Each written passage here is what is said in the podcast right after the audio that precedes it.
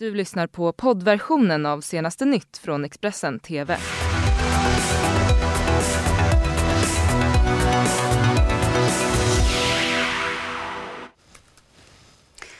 God morgon, det här är senaste nytt med mig Lisa Silver den eh, torsdag den 10 oktober och det här är våra topprubriker just nu.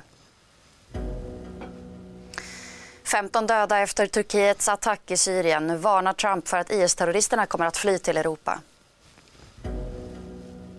Han livesände dödsskjutningen utanför synagogan i tyska hallen. Nu har 27-åriga Stefan gripits för dådet. Och efter krisen i Svenska Akademin, nu ska Nobelpriset i litteratur delas ut. Här är de hetaste kandidaterna. Men vi inleder morgonen med eh, nyheten om att tusentals civila har flytt eh, nordöstra Syrien efter att Turkiet inlett eh, offensiven. Enligt representanter för kurdiska styrkor så har turkiska stridsflygplan attackerat flera mål och två civila personer har dött efter bombningen. De senaste uppgifterna är att 15 människor ska ha dödats i attacken och FNs säkerhetsråd meddelar nu att man kommer att hålla ett krismöte om utvecklingen. Det är ju vad eh, Turkiets president Erdogan själv säger att det kommer en offensiv mot de kurdkontrollerade områdena i nordöstra Syrien där ju Erdogan och Turkiet har som ambition att inrätta en säkerhetszon vid gränsområdet. Och det är den här landremsan det handlar om. Här vill president Erdogan upprätta en säkerhetszon och det har han två skäl till. För det första, de vill ju försvaga kurderna i nordöstra Syrien.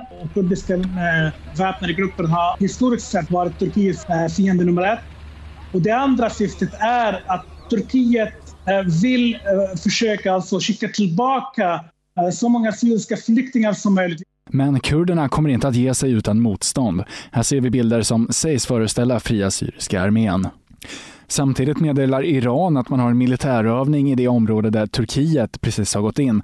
Dessutom så talar det om att Ryssland kan komma att gå in i regionen. Det skulle jag säga är en ganska avgörande faktor för hur det här kommer att gå. Rent militärt så är ju de kurdiska styrkorna vad det verkar underlägsna bara den turkiska eh, militären. Men om man dessutom får Ryssland på sig söderifrån så, så kan det, kommer det inte gå bra för kurderna så att säga. Det var tidigare i veckan som USAs president Donald Trump meddelade att landet drar tillbaka sina trupper från det här området.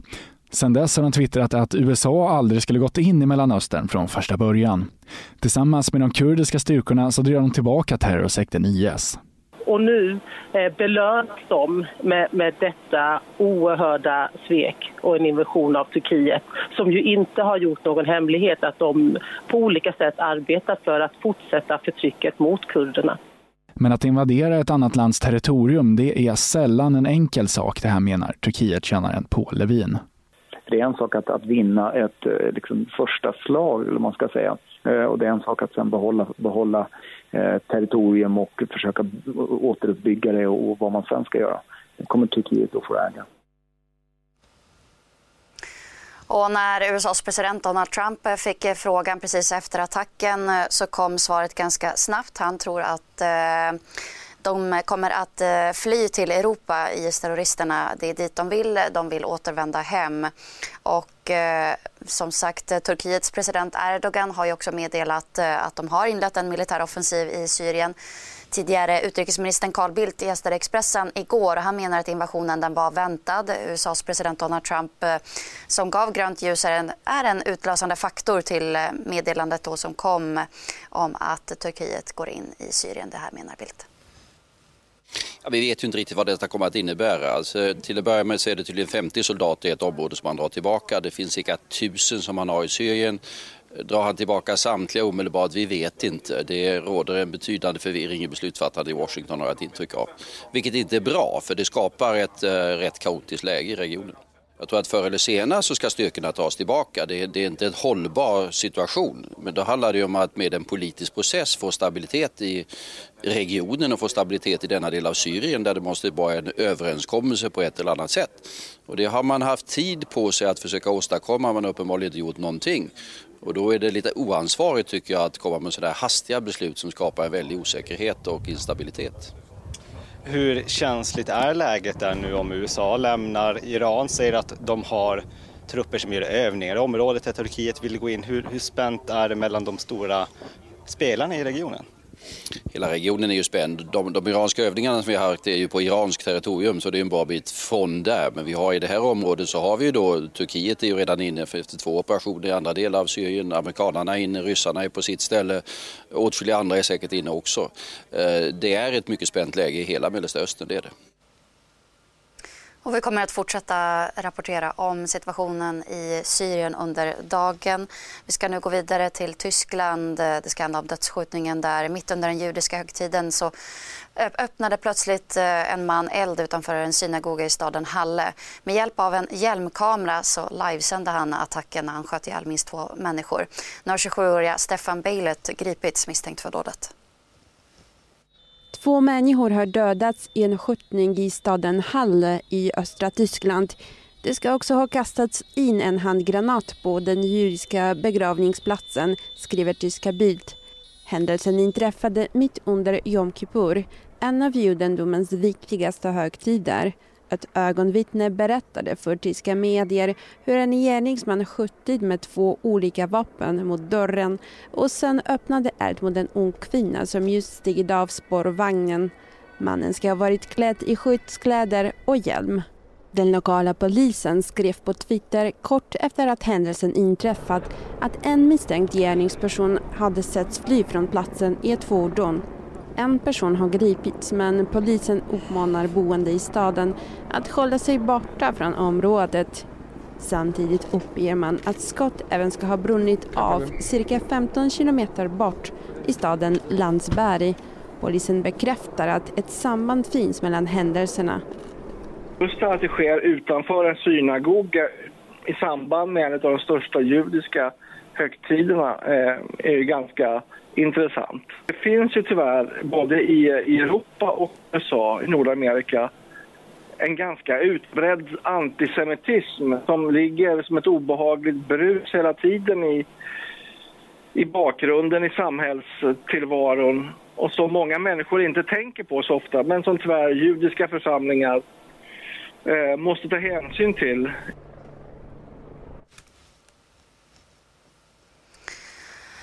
Ja, och eh, enligt SVT så har eh, säkerheten nu skärpts eh, vid synagogan i Kungsträdgården efter attacken i Tyskland. Enligt personer som SVT har varit i kontakt, kontakt med så handlar det om en förhöjd hotbild efter dådet i tyska Halle.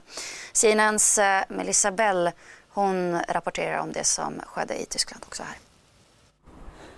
Candles have been left outside of the kebab shop here in Halle, part of uh, where this tragedy unfolded here today after a gunman made his way from a synagogue just up the road where people had gathered to celebrate Yom Kippur, killing a woman outside the synagogue after failing to get in before making his way down the road and killing a man here at this kebab shop. Even now, uh, evidence of the violence that took place here today. And really, in the last few minutes, the police have uh, finished up their investigative work at the end of a long day of trying to cobbling together, getting together the pieces of the puzzle to work out exactly what happened. Very quickly, though, an attack clearly linked to anti Semitism, with suspicions, uh, we're told by officials, uh, on uh, a, a, motive based on right wing extremism.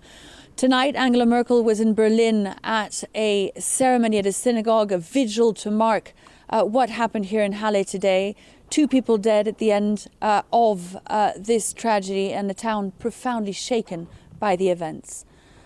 Melissa Bell, CNN, Halle.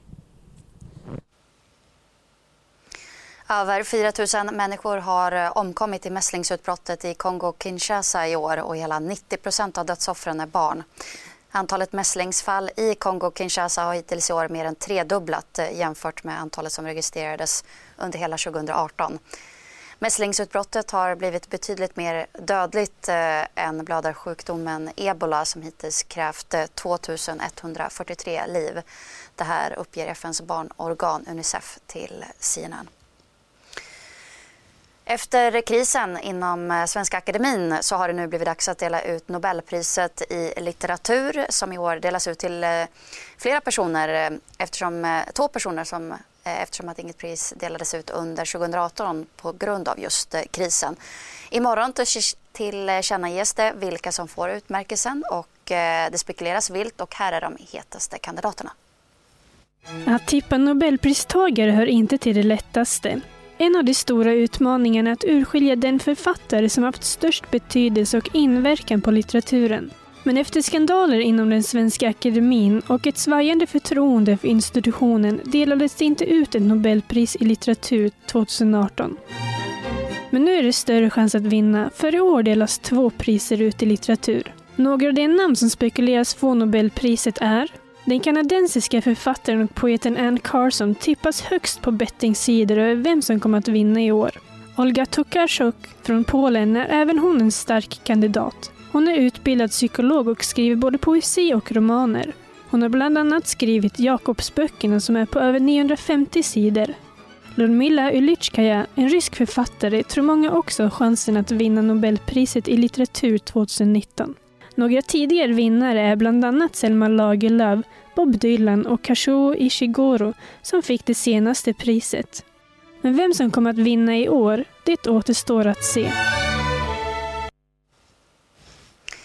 Och eh, idag så tillkännages alltså vilka som eh, då tilldelas Nobelpriset i litteratur. Vi kommer såklart att eh, bevaka det här i Expressen TV. Vi ska gå vidare med fler nyheter. Det ska handla om eh, Direkt med Niklas Svensson, programmet som drar igång klockan eh, tre idag. Eh, I programmet eh, så kommer ni att bland annat få se en intervju med Idoljuryn eh, Nikki Amini där hon bland annat berättar om uppväxten, nyfödda dottern och den tuffa tonårstiden. Nikki Amini det var tufft också några år eh, i slutet på högstadiet mm. och början på gymnasiet. Du drabbades av ätstörningar och du hade bestämt dig för att banta inför balen i nian. Vad minns du av den tiden? Ja, precis. Ehm, jag hade köpt en väldigt fin klänning som jag ville ha på mig till balen eh, och eh, jag var ju aldrig överviktig. Eh, men jag minns också att det var många andra, eller flera andra tjejer i skolan och i klassen som bantade och jag ville också banta. Eh, det hade nästan blivit lite av en trend. Ehm, helt i onödan egentligen. Vi alla var välmående eh, och fina. Men jag började peta på maten och det ledde ju till slut till att jag fick en väldigt allvarlig ätstörning. Eh, och det här började i nian men det följde ju även med mig in på gymnasiet och första ring. Eh, och det gick ju så långt så att jag, jag gjorde allt för att undvika tillfällen som hade med mat att göra. Ehm, och jag ljög ju väldigt ofta och undanhöll sanningen om vad jag faktiskt hade ätit under dagen. Ehm, och mot slutet så åt jag kanske ett äpple om dagen och vägde väldigt, väldigt lite. Jag var väldigt undernärd. Och hela den här intervjun eh, kommer ni att eh, kunna se i eh, direkt med Niklas Svensson som drar igång klockan tre här i Expressen TV. Vi går vidare. Det ska handla om riksdagsledamoten Hanif Bali som skulle köra sin mamma hem efter en middag i går kväll när han plötsligt upptäckte att billacken var repad och däcken uppskurna igen. För det här är ju andra gången han får sin bil vandaliserad på bara några månader. Och han säger nu att han inte kan ha kvar den här bilen, att han förmodligen måste flytta. Det var ju i juli som eh, den moderata riksdagsledamotens bil blev vandaliserad. Eh, lacken var sönderrepad och eh, det var hål i däcket och den här ehm, nu så säger han att det ser ut precis som förra gången. Märkena på däcken ser likadana ut. Det verkar också vara samma kniv. Han twittrar om detta. Hanif Bali han kommer att göra en polisanmälan. Det gjorde han sist också men enligt honom så lades den ner då. Sedan en vecka tillbaka så har socialförsäkringsministern Ardalan Shekarabi uppdraget att se till att den även internt kritiserade familjeveckan blir av. Alltså tre dagars extra ledigt per år för alla föräldrar. Han menar att eh, Sverige har råd och eh, med både familjeveckan och pengar till de krisande kommunerna. Bland annat eh, Kommunal och LO menar att vi inte råd med en familjevecka nu som du säger kommer att införas innan mandatperioden är slut. Varför gör du en annan bedömning?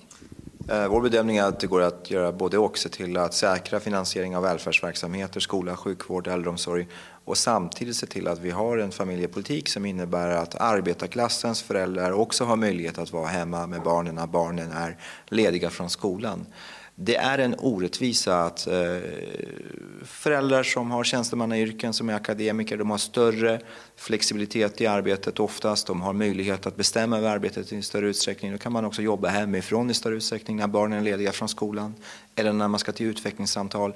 Det har inte arbetarklassens föräldrar och det är en orättvisa som vi måste utjämna. Vi måste se till att alla får bra förutsättningar att komma nära barnen och vara med barnen också när barnen är lediga från skolan. Hur akut är det att införa en familjevecka? Ja, det är en viktig fråga. Det är en del av, av januariavtalet. Det var ett av våra vallöften och vi ska förverkliga detta under mandatperioden. Men om man ser till hur akut den är, om man kanske jämför med andra frågor?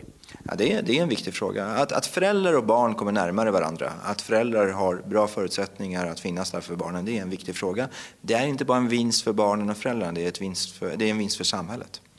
Och för de som säger att men, det här kommer säkert aldrig ens genomföras i det långa loppet. Hur säker är du på att det kommer att bli en familjevecka? Ja, vi ska förverkliga punkterna i januariavtalet och det här är en av punkterna i januariavtalet. Det är ett av våra vallöften och detta ska genomföras. Fler nyheter får ni alldeles strax här i Expressen TV. Fortsätt titta. Du har lyssnat på poddversionen av senaste nytt från Expressen TV. Tillförordnad ansvarig utgivare är Klas Granström. Ett poddtips från Podplay. I fallen jag aldrig glömmer djupdyker Hasse Aro i arbetet bakom några av Sveriges mest uppseendeväckande brottsutredningar. Går vi in med hemlig telefonavlyssning och, och då upplever vi att vi får en total förändring av hans beteende. Vad är det som händer nu? Vem är det som läcker? Och så säger han att jag är kriminell, jag har varit kriminell i hela mitt liv men att mörda ett barn, där går min gräns. Nya säsongen av Fallen jag aldrig glömmer på Podplay.